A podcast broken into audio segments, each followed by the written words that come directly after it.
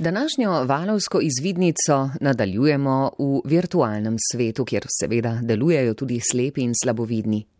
Informacijska tehnologija se jim redko prilagaja, operacijski sistemi in spletne strani vse bolj temelijo na vizualnih izkušnjah.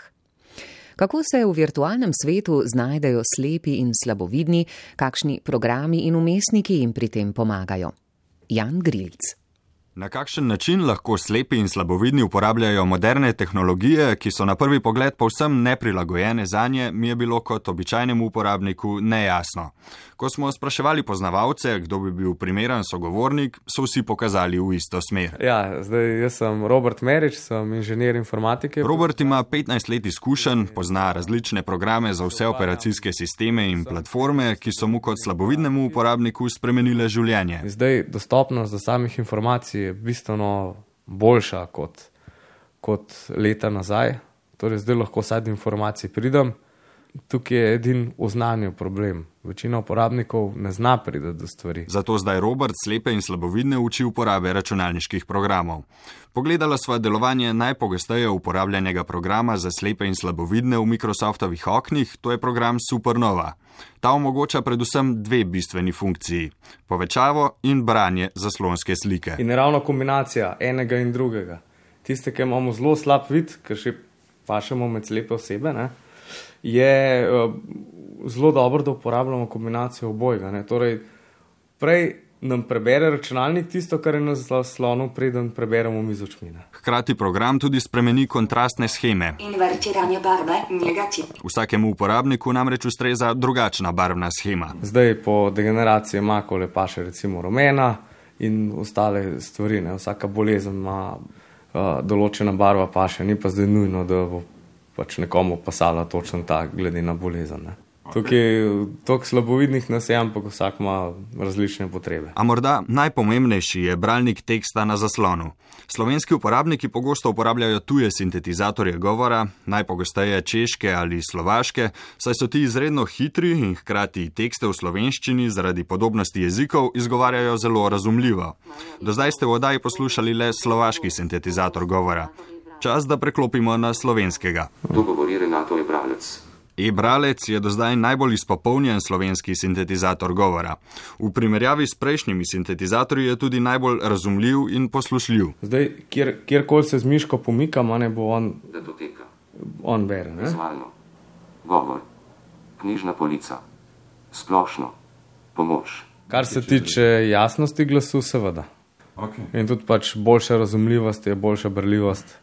In za branje besedil je v redu, za samo brskanje po računalniku, pa kot sem že omenil, je izredno težko sledi, ker slepi uporabniki, saj tisti, ki obvladajo računalništvo, so precej hitri in ta sinteza enostavno ne sledi temu. S pomočjo povečave zaslonske slike in programskega branja tekstov sva z Robertom obiskala spletno stran Vala 202. Takole e-bralnik prebere prvi odstavek zapisov iz močvirja, ki smo jih predvajali v torek. Danes si sposodimo ta bojni krik futurologov, da se podučimo o bližnjih dogajanjih, ki jih še ni. Bodo pa zagotovo. Nekaj navidez nepovezanih dogodkov v preteklih dneh se bo v prihodnosti združilo v novo stvarnost, ki bo lepša od današnje. Med dostopanjem na našo spletno stran Robert Hrovat Merič opozori na še eno značilnost programov za slepe in slabovidne. Spletne strani ali programe razdeli na različne dele. Torej, na zaslonu imamo označevalnike, to, da se ve, da veva, kje naha, se nahajava. Vsa polja se obkrožijo, recimo z um, pravokotnikom ali pa s čemer koli drugim. Ne. To so vse nastavitve programa, ki jih omogoča. To slabovidni pomaga pri sami orientaciji po zaslonu. Prav orientacija po zaslonu je najbolj težaven del uporabe računalnika.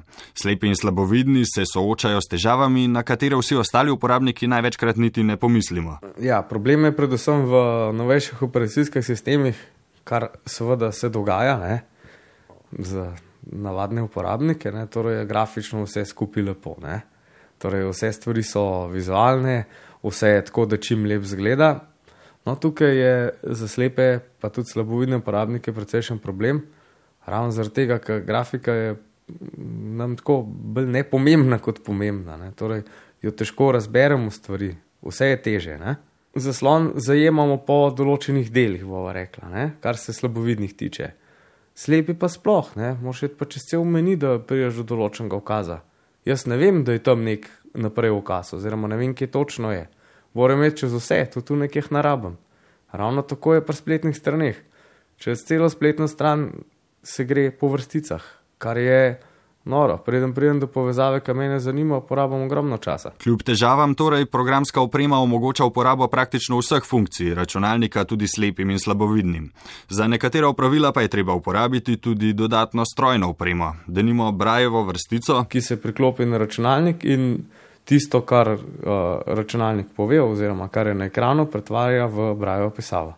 Ker je uporabnost v bistvu zelo velika, ne, je pri kakšnih lektorjih, torej tam, kjer treba tudi besedilo preverjati, torej napisano besedilo preverjati. Je pa brajva vrstica hud finančni zalogaj, zato je večina uporabnikov nima. Tukaj se zneski gibajo od nekje 3500 oziroma rekla raje 4000 evrov pa na zgor tudi do 7000. Mimo grede, tudi cene programske opreme nikakor niso nizke.